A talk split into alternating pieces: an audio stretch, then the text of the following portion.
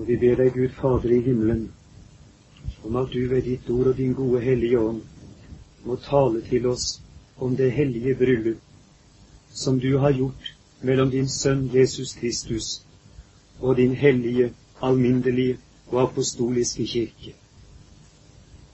Vi lover og priser deg at du sendte ham i døden for å forløse denne brud.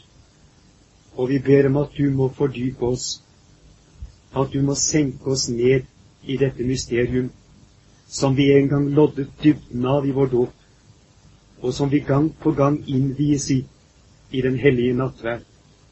Herre, åpne ditt ord for oss, så vi kan se dine hemmeligheter og tro. Det ber vi i vår Herre Jesu Kristi navn. Amen.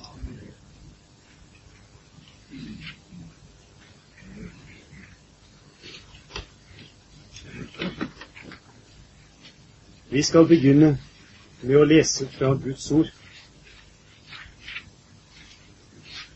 Og vi skal lese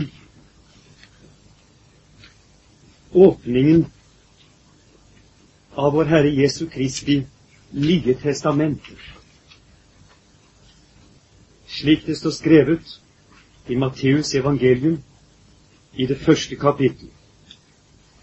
Og jeg leser etter den gamle oversettelse i urevidert utgave. Jesu Kristi, Davids sønns, Abrahams sønns ettertavle. Abraham avlet Isak. Isak avlet Jakob.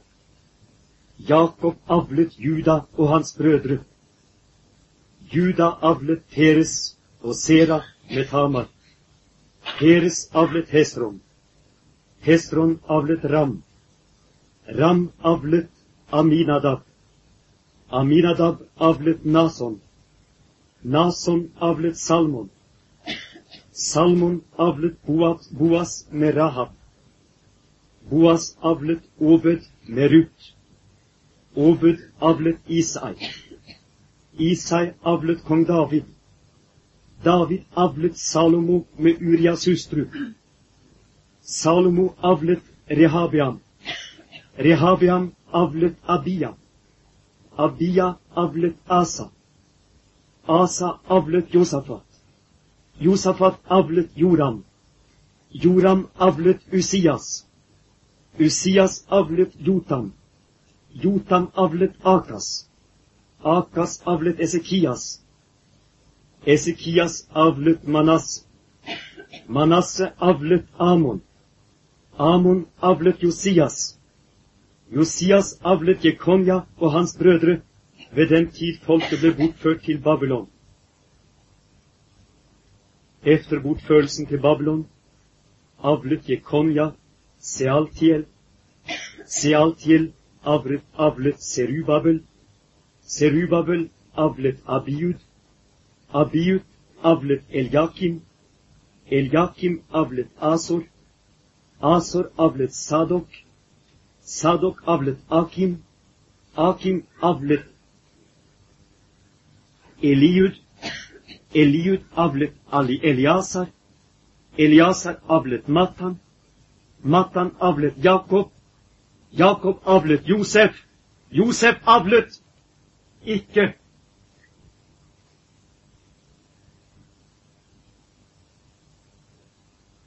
Jakob avlet Josef, Marias mann, og av henne ble Jesus født, han som kalles Kristus. Dette er absurd. Og allikevel så aner vi innerst inni oss selv at det hadde ikke vært noe evangelium hvis det hadde stått 'Josef avlet Jesus'. Hvis Jesus hadde sprunget frem som den fullmodne frukt av denne maskuline kraftutfoldelse i morsliv etter morsliv, denne veldige strøm av potens Hvis denne potensia virkelig hadde brutt frem til slutt i Kristus,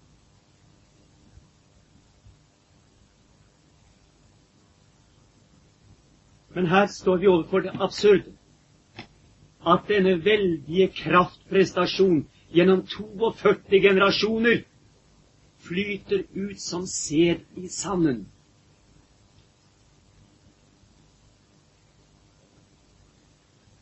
Hele dette veldige løp, for det er et løp, et andpustent løp, det ender med å frembringe en statist.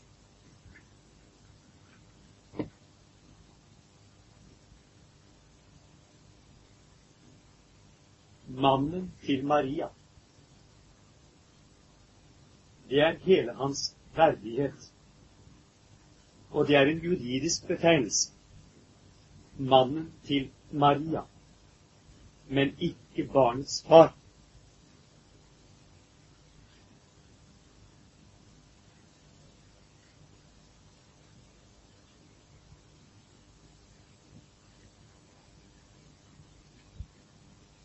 Slik er det Jesu ettertavle ser ut. Denne har teologer forsøkt å jukse med, og forsøkt å få Maria til å være i slekt med Josef på en eller annen måte, slik at hun kan kobles inn på denne prektige ettertavle. Det står ingenting om det. Hun kommer inn som en outsider. Hun har ingenting med denne rekkefølge å gjøre. Og allikevel så står Josef der med farskapet etter loven, ja. På sett og vis etter kjødet, ja. Etter alt hva den kjødelige fornuft kan dømme om, ja. Og allikevel totalt utenfor.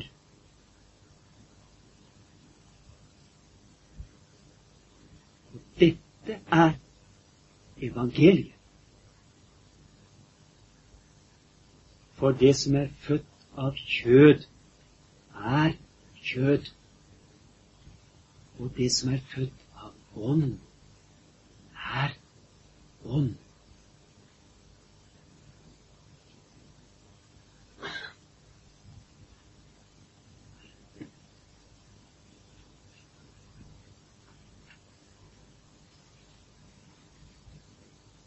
Josef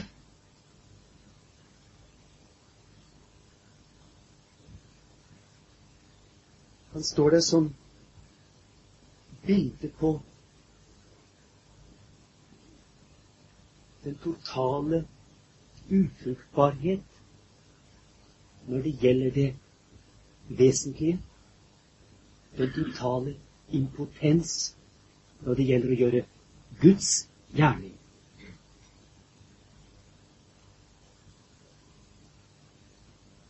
Hele den rekka av samleier og unnfangelser er ikke det hellige bryllup. Alle menneskelige muligheter er uttømt. Og man kan jo bare undres over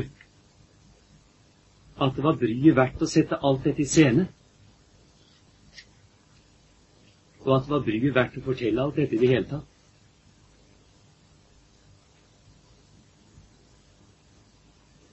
Men det er en mannfolkhistorie. Det er mannens verdenshistorie. Og vet dere hvorfor mannen spiller hovedrollen i historien og i bibelhistorien? Det er fordi at all historie etter sitt vesen er syndefallshistorie.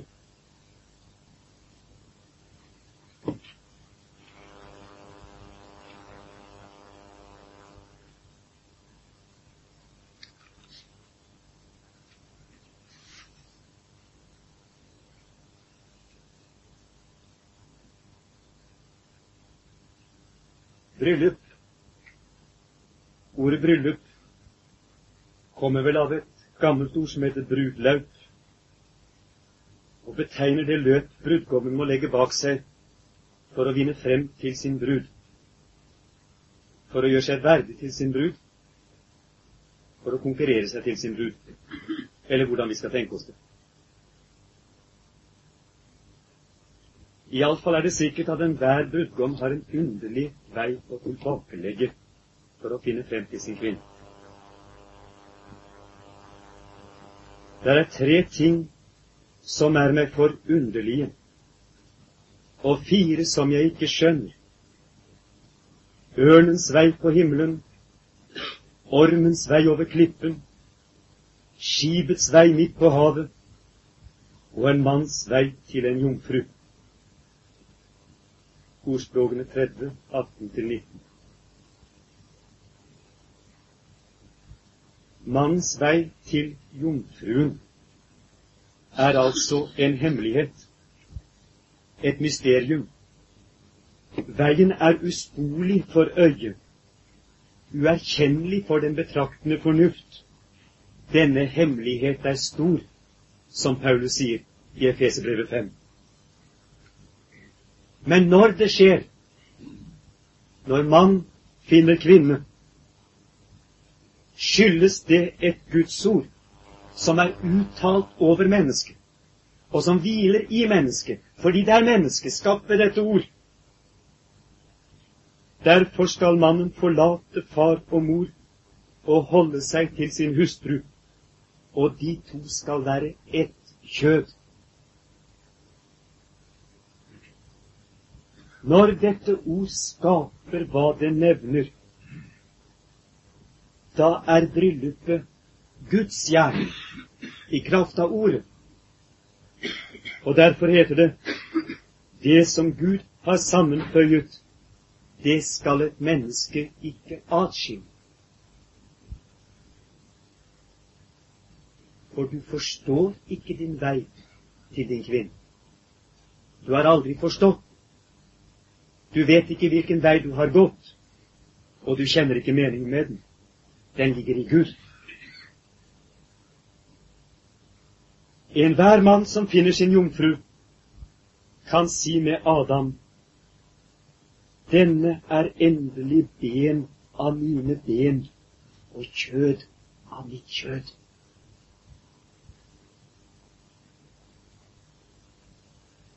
Men dette kan han bare si i kraft av troen på det ordet som skaper hva det nevner. For denne forening er sakramental. Det betyr den er virkelig i kraft av det ord som en gang er uttalt over mennesket ved selve urekteskapet. Et kjød sammenføyet av Gud. Guds egen meningsfylte og meningstunge hemmelighet. Akkurat de to. Men på samme måten som det gjelder sakramentene, at sakramentene mottas i tro. Fordi de er Guds nærværende virkelighet, og fordi Gud bare kan mottas i tro. Slik avhenger også ekteskapet av om disse to selv hører dette ord og tror det. For fornuften vet ingenting om dette og kan ikke vite noen ting om dette. Det er som ørnens, ormens og skipets vei for øyet. Men dette ordet som må troes, hva er det for et ord? Hva er dette ordets innerste mening og hemmelighet? Uttømmer det seg selv i ethvert tilbakelagt brudløp? Paulus sier i Efeserbrevet 5 denne hemmelighet er stor, men jeg tenker hermed på Kristus og på menigheten. Dette sakramentum, sier han i den latinske teksten, som brukes som oversettelse av mysterium i den greske. Og akkurat i denne ordvendingen er det faktisk talt at ordet sakrament er kommet inn i kirkens teologi. Ursakrament. Det er selve dette urforholdet mellom mann og kvinne. Men som alle andre sakramenter så peker også dette bort fra seg selv, egentlig. Bort fra elementene, de aktuelle elementer, og til Kristus og Kristi egen hemmelighet. Derfor er det ikke galt å kalle ekteskapet sakrament. Det er galt av de evangeliske kristne å avvise ekteskap som sakrament. For sakrament, ekteskapet som tegn peker bort fra seg selv, egentlig. Eller inn i dypet av seg selv peker mot Kristus. Den innerste meningen i ekteskap. Den innerste meningen med mennesket. Og ekteskapet kan ikke forstås uten gjennom det hellige bryllup som Kristus har feiret med sin brud på Golgata og i graven. Denne hemmelighet er stor. Jeg tenker hermed på Kristus og på menigheten. Derfor så kan vi si at ekteskapets urord det ligger inne i det ord som Johannes åpner sitt evangelium med. I begynnelsen var Ordet, og Ordet var hos Gud, og Ordet var Gud. Og Ordet ble kjød og tok bolig blant oss, og vi så Hans herlighet osv.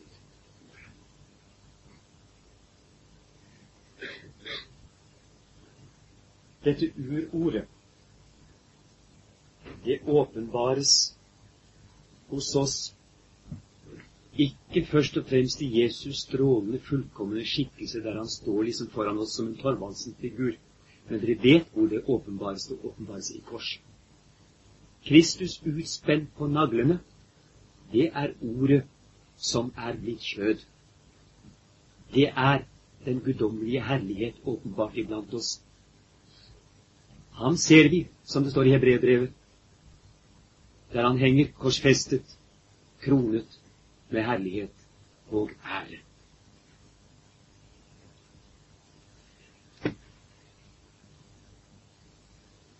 Jeg har valgt å begynne på denne måten.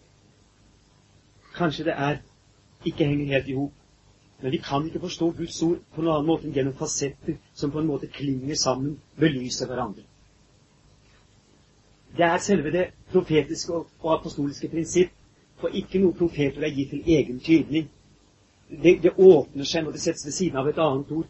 Det ene bibelske bildet åpner seg når det stilles ved siden av et annet bibelsk bilde. Det åpner seg på en annen måte når det stilles ved siden av det tredje bibelske bildet. Vi er i besittelse av en uendelig visdom, hvor vi kan si at som, Det avhenger til og med av det øyet som leser, det sinn som oppfatter, den biografi som ligger bak når du kommer til boken.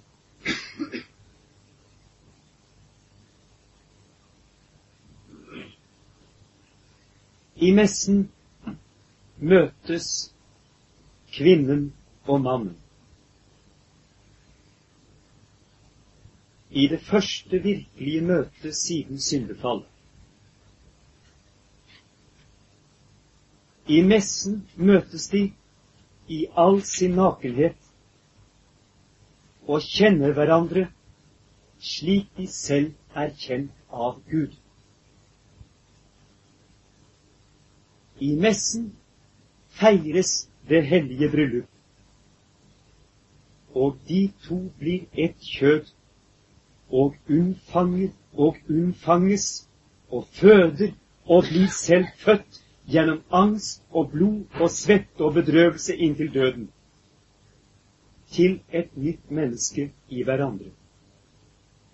Hun i ham og han i henne som profeten sier, kvinnen skal alltid være om mannen.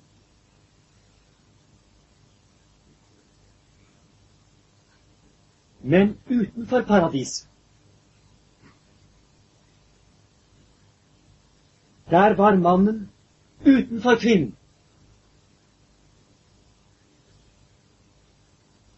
Og derfor var han aldri til stede i henne selv når han tømte sin sæd i henne. Vi leser i Første Mosebok, i det fjerde kapittel, og i det første verset. Det er det første verset etter utdrivelsen av paradis. Der står det Og Adam kjente sin hustru Eva og hun ble fruktsommelig og fødte Kain. Og hun sa, Jeg har fått en mann ved Herren.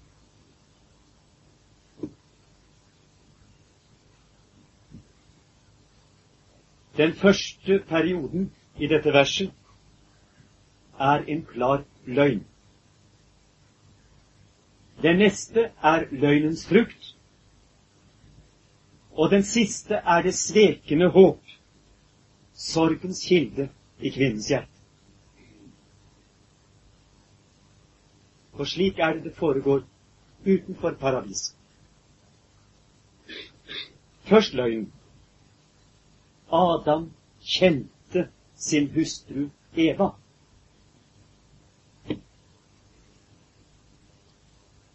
Dere vet kanskje at på hebraisk så bruker dette ordet 'kjenne', ja da, om den seksuelle forening mellom mann og kvinne. Men ikke bare om det. Og jeg tror det skyldes det hebraiske erkjennelsesbegrep som ikke stiller den erkjennende objektivt utenfor det som erkjennes, men som nettopp i erkjennelsen skaper en slags identitet, en slags sammensmeltning mellom den erkjennende og det erkjente. Når du kjenner en ting, så går du inn i tingen. Du kjenner den innenfra. Du har en samviten på en måte med tingen om ting.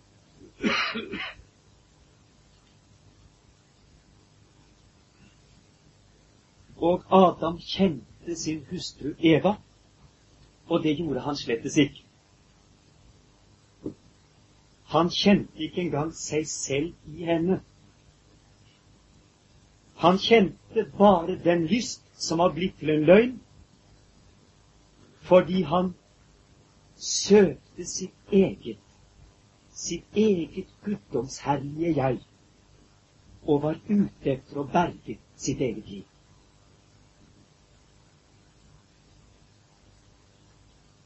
Han forsøkte ikke å trenge inn i paradiset på alvor.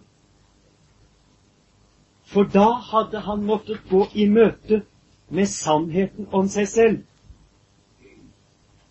Og sannheten om kvinnen. Og denne sannhet hadde sønderlemmet hans selvherlige potens med sitt tveeggede sverd, Guds ord. For det står skrevet i verset umiddelbart foran dette. Og Gud drev mennesket ut, og han satte kjerubene østen for Edens hage, og det luende sverd som vendte seg hit og dit, for å vokte veien til livsens tre. Første Mosebok 3.24.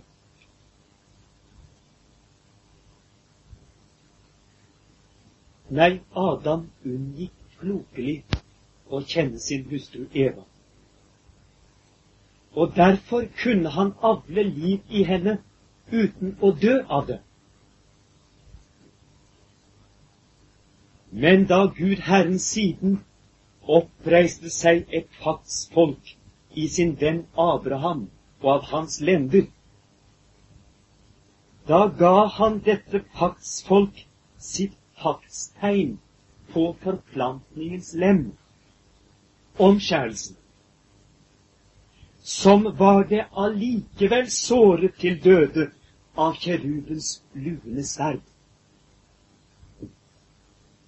Han satte sitt tegn der som en dom over mannen og som en glødende profeti for kvinnen.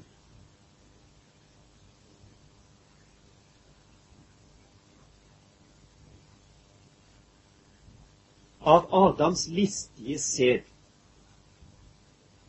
Adams preventerte sæd. Adams forbeholdne sæd. Utsprang løgnens frukt, Kain, manndraperen, og siden hans offer Abel. Jeg tror fikenblad, forresten. Fikenblad er prevensjonsmiddel. Bare som et lite bilde.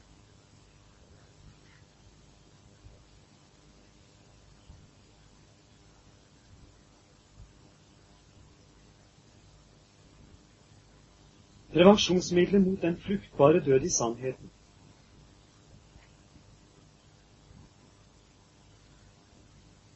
Den som Adam skulle ha gått inn i. Og man hadde våget å gå inn på å forløse sin hustru.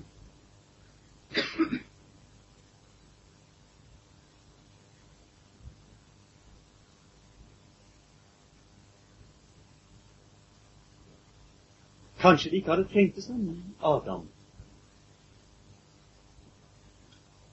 Kanskje det var Adams svik som gjorde en ny Adam nødvendig.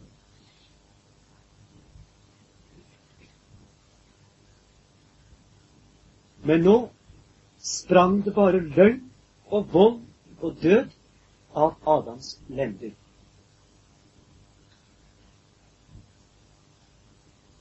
Han avlet bare det lik som berger seg selv.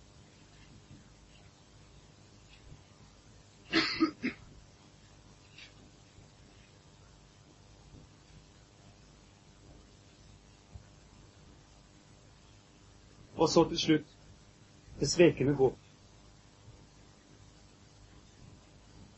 For Eva hadde sett Adam dø den lille død. Og hun forvandlet den i håp og tro til den store død. Sitat. Han uttømte seg selv og ble lydig inntil døden, ja, korsets død. Filippensbrevet 2. Hun bar håpet om denne radikale uttømmelse i dypet av sitt skjød, fordi Gud Herren selv hadde gitt henne et ord, en profeti, før utdrivelsen, men etter syndefallet. Og da Adams hode lå som en mirakule mellom hennes bryster, da han lå som en død mellom hennes lender, skinnende blank av svette som av olje. Da mente hun at det var hennes Messias, den salvede, som allerede sov i hennes grav. Og da hun fødte, da trodde hun straks på oppstandelsen og sa, Jeg har fått en mann ved Herren.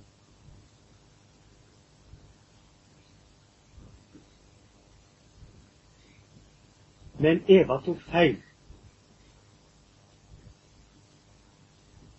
Men hun tok feil fordi hun ikke kunne oppgi sin tro, sitt håp, sin kjærlighet, det som var tent av løftesordet. Trodde evangeliet. Hun tok feil og betalte sin bitre pris gjennom tusener av år som skjøge, hustru, elskerinne og drage. Hun tok feil, og for Guds skyld fortsatte hun å ta feil, inntil hun en dag fant den rette mann i Simon fariserens hus.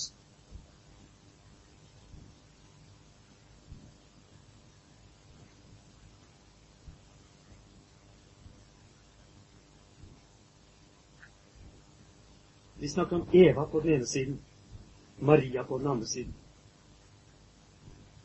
Eva står som svikeren, den ulydige. Maria står som den lydige. Men egentlig så tror jeg at det er ingen motsetning mellom Eva og Maria. Fra Eva av fins det et Maria-hjerte i verden. Eva har selv dette hjertet.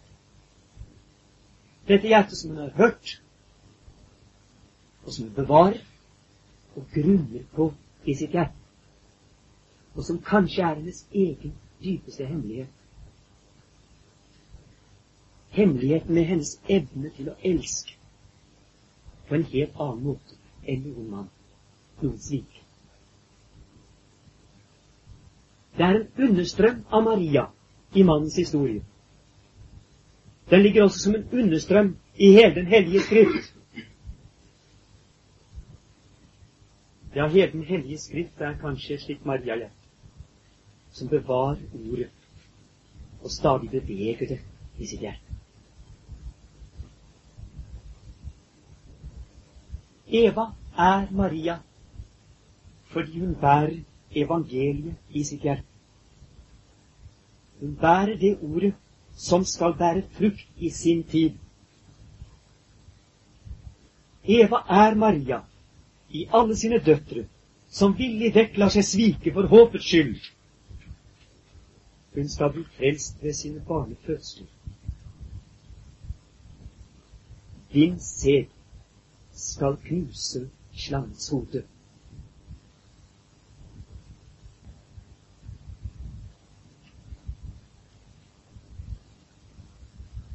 Har du noen gang lest syndefallsberetningen oppmerksomt?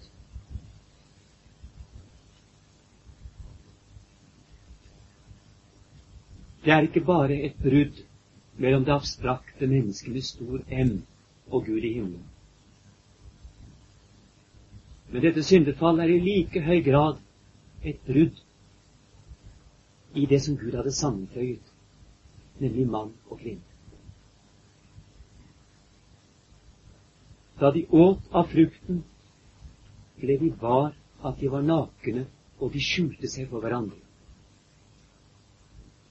Da Gud kom nær i aftenvinden, da skjulte de seg sammen i busken på Gud. Skilsmissen mellom himmel og jord, mellom Gud og menneske, er samtidig og i like høy grad en skilsmisse mellom mann og kvinne.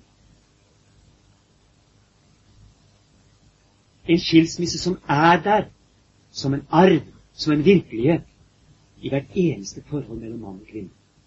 Den dag i dag.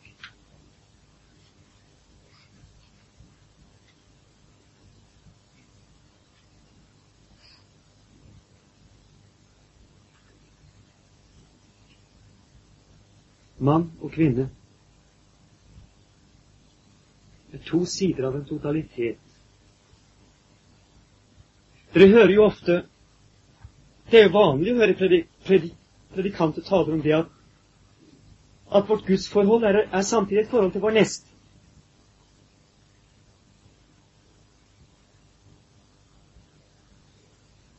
Men hvor møtes to mennesker så dypt?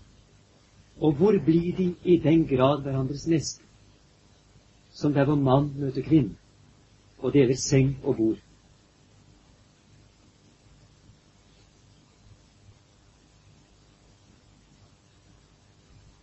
Der er vi virkelig på dypet. For der kan vi ikke bare være hyggelige mot hverandre en liten stund og skilles. En liten uforpliktende hjelp på veien til Jeriko, liksom. Det koster noen penninger. Men der krever det alt. Og Der står det sin prøve. Og der må det komme til en avsløring om det leves i sannhet.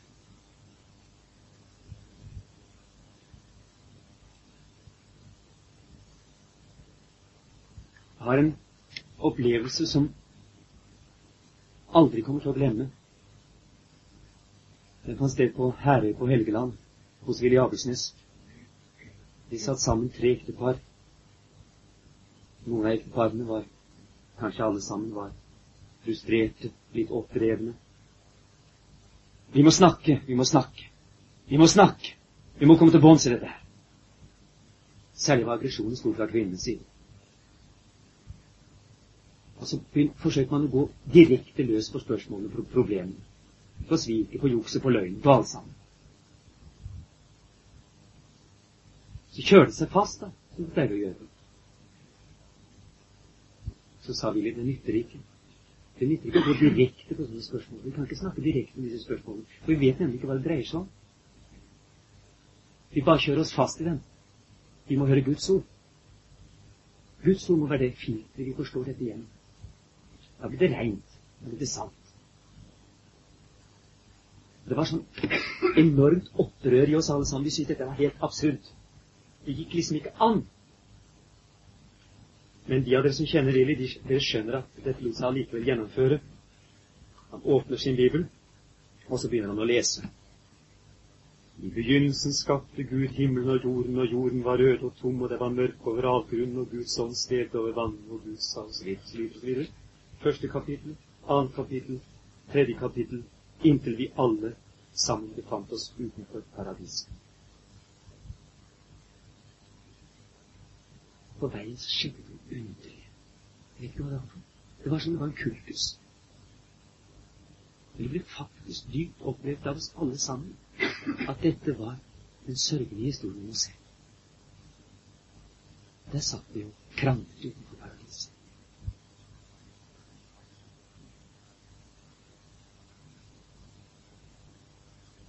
Dette er vår gåte. Og denne gåten vi nå må begynne å arbeide med og forsøke å trenge inn i i lys av Den hellige skrift. Det jeg nå har kommet med, det er bare fortsettelsen på en samtale som begynte på Gran her i fjor. Og det er begynnelsen på en samtale som jeg håper vi kan som kan tenne i oss alle sammen i løpet av de dagene vi skal være sammen. For her, her blir vår tro virkelig eksistensiell. Det er ikke nødvendig for meg å påpeke hvor aktuell troen blir for vår egen mest kritisk følte kultursituasjon, får vi si. Vi lever jo midt oppi kjønnskamp. Vi lever jo midt oppi anklagene. De morderiske anklager. Det later til at tiden er kommet for kvinnen til å ta hevn over svik, fordi håpet aldri blir oppfylt. Og at det ikke bare er Gud Fader som dømmer mannkjønnet, slik han gjør i Den hellige skrift. Når sæden flyter ut i sanden.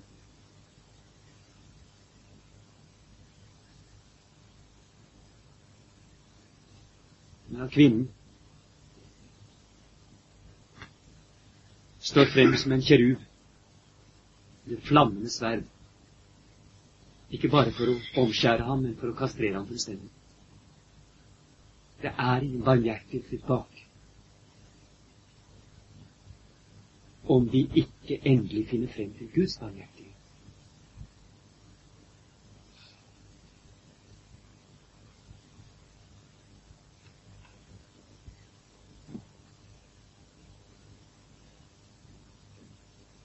Så kommer vi til det hellige bryllup, som altså i første omgang setter det fordømte mannkjønnet fullstendig utenfor.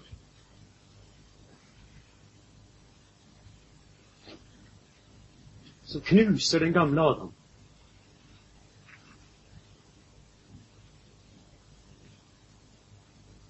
Det finner sted i Nasaret i Galilea. Når en ung 12-13 års pike åpner seg for Guds forløsende makt og sier, Se, jeg er Herrens tjenerinne. Meg skje etter ditt ord. Meg skje etter det evangelium og det løftet du la i Evas hjerte, at det er kvinnens sæd som skal knuse slangens hode.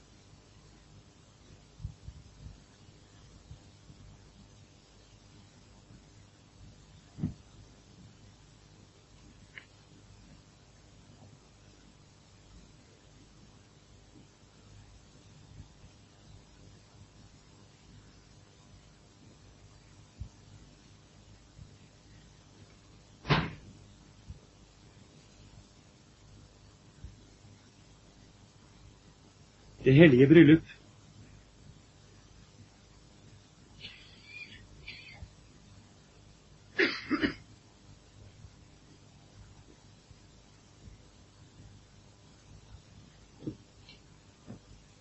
Vi må tilbake til Josef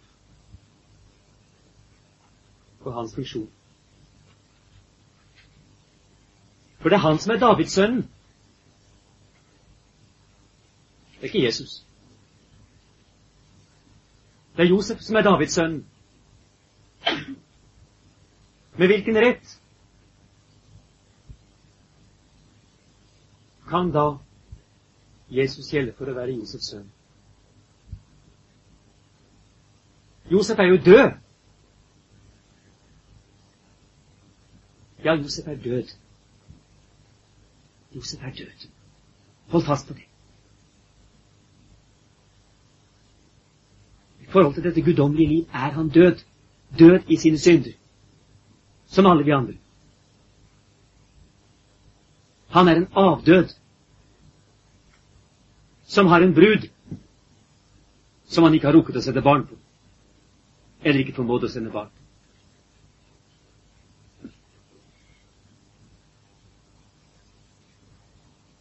Og i Israel så har vi en institusjon, en profetisk institusjon, som kalles for levirat-ekteskap, svogerekteskap, som går ut på at når en mann dør uten avkom, da er det slektens plikt å oppreise ham et avkom. En eller annen i slekten skal gå inn i mannens sted og så sin sæd i denne kvinnes liv. Og så skal den døde mann få et barn. Den som slik gikk inn for å gi den døde mann et barn, han ble kalt en goel, en løser. Boas bærer det navnet f.eks. i Ruths bok. Juda lures til å ta den oppgaven i forhold til Tamar.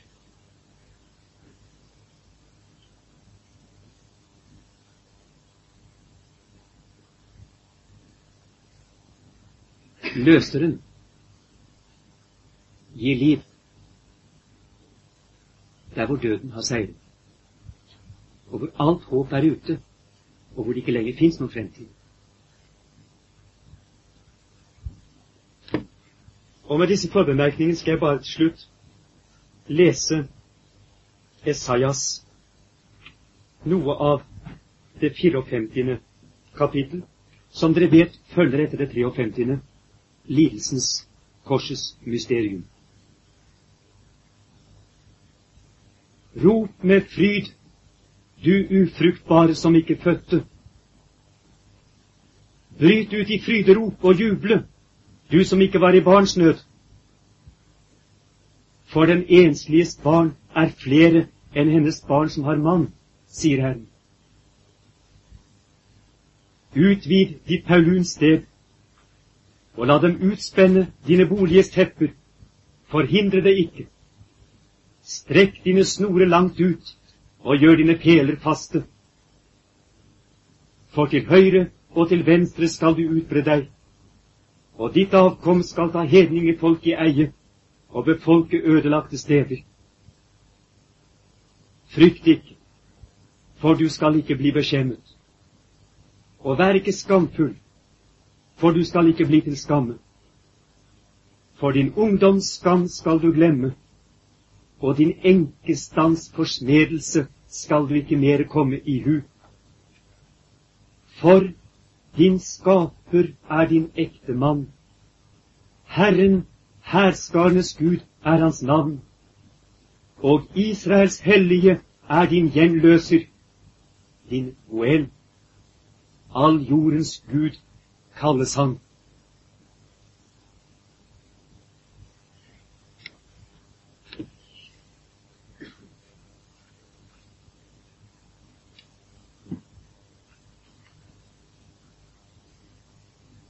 Og så kan Maria si, Jeg har fått en mann ved Herren.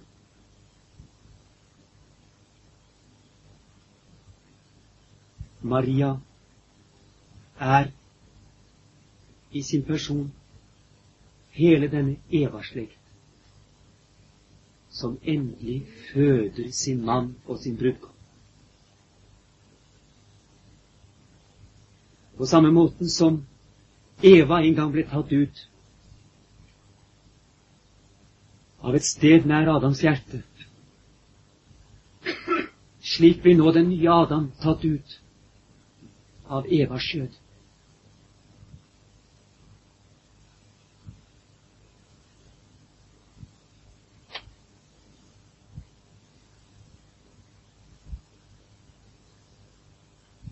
Og så går han sitt brudeløp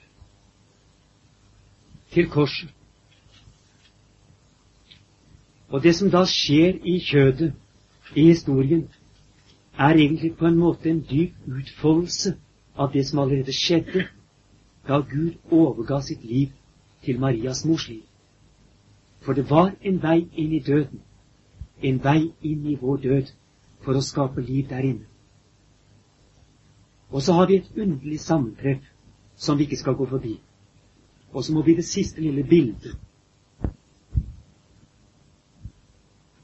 som ingen før hadde ligget i. Han ble lagt i en jomfruelig grav. Den heter til og med Josefs grav. Det er nok en annen Josef.